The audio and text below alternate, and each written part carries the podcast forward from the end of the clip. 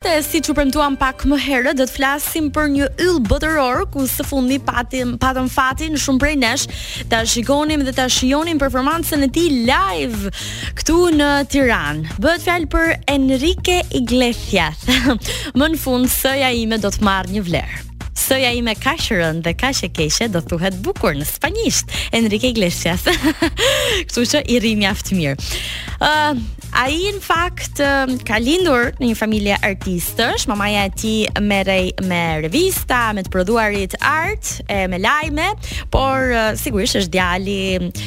i Julio Iglesias, i emrit legjendar të prodhimit të muzikës spanjolle dhe genet e tij me ç'duket u trashëguan në mënyrën më të mirë e më të bukur të mundshme tek një talent revolucionar siç është Enrique. Ai filloi të luante muzikë që në moshë të hershme, që në shkollë i pëlqente të përfshihej shpesh herë në ato mini koncerte që organizohet në shkolla fillore e më pas talenti i tij ishte tepër i dukshëm, duke patur mundësi absolute edhe të hapjes së portave të mëdha drejt artit uh, nga babai i tij.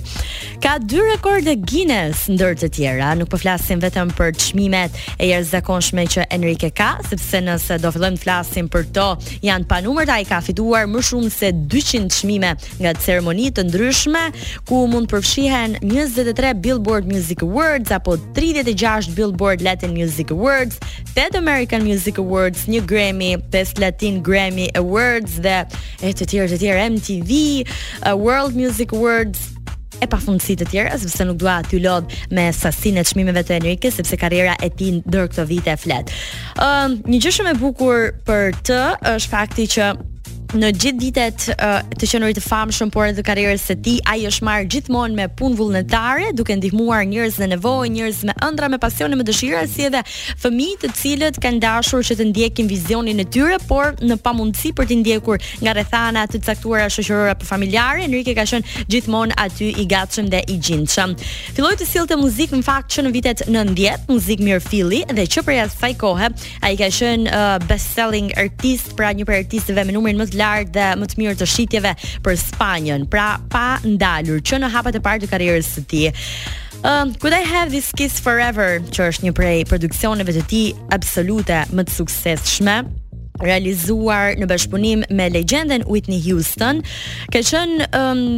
goxha interesante sepse ata nuk janë takuar kurrë për realizimin e kësaj kënge. Secili prej yjeve ka dhënë kontributin dhe pjesën e tij të këngës, është zhvilluar në vende totalisht të ndryshme. Madje Enrique ka thënë që ka patur gjithmonë një lloj tensioni dhe një lloj Dashurie platonike për artisten, por edhe nga ana e të dyve, por pa patur mundësi që ata të takoheshin për këtë projekt i cili do të ishte kështu një prej domethënieve më të mëdha për të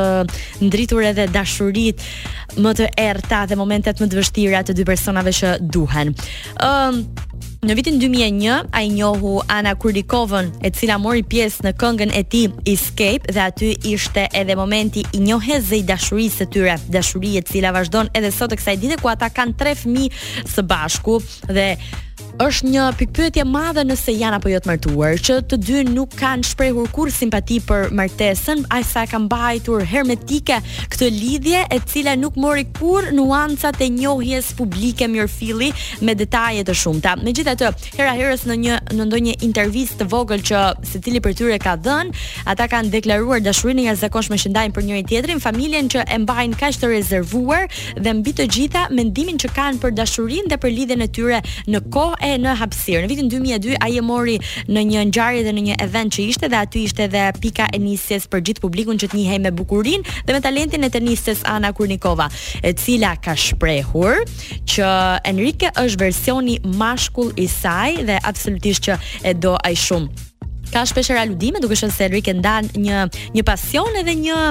një motiv të tijin apo për të mbajtur të, të angazhuar fanset kudo nëpër turne që shkon, ai puth një nga fanset dhe ka disa raste ku puthjet mund të jenë paksa të zjarrta ose mund të jenë me më shumë pasion se ç'duhet dhe kjo është konsideruar si një tradh ti ndoshta ose një formë uh, disrespekti ndaj partneres së tij, por me ç'duket ajo nuk e ka aspak problem duke qenë se Enrique si ikonë e të sjellur gjëra të reja dhe muzikë të jashtëzakonshme, nuk po bën asgjë prapa shpine, por është një gjë që ai e bën për të mbajtur veten të lidhur shumë ngushtë me fansat e tij, një marrëdhënie në fakt që kujdeset mjaft për ta mbajtur uh, në relata të shkëlqyera.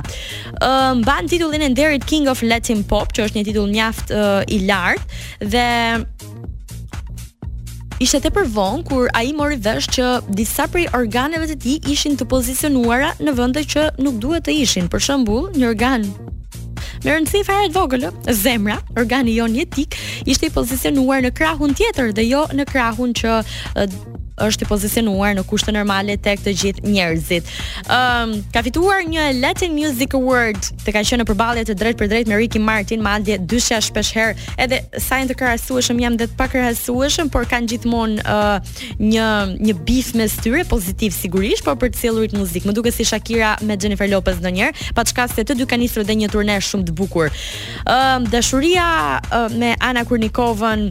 Nuk e dim nëse ka qenë ndonjëherë shumë e preferuar nga babai i tij, me të cilin ka patur një marrëdhënie paksa të ftohtë 10 vjeçare, megjithatë Enrique vazhdon të sjellë muzikë të shkëlqyer, na kënaqi edhe në koncert. Dhe ne i urojmë vetëm jetë të lumtur siç ka patur dhe të vazhdojë të lërë projekte të shkëlqyera.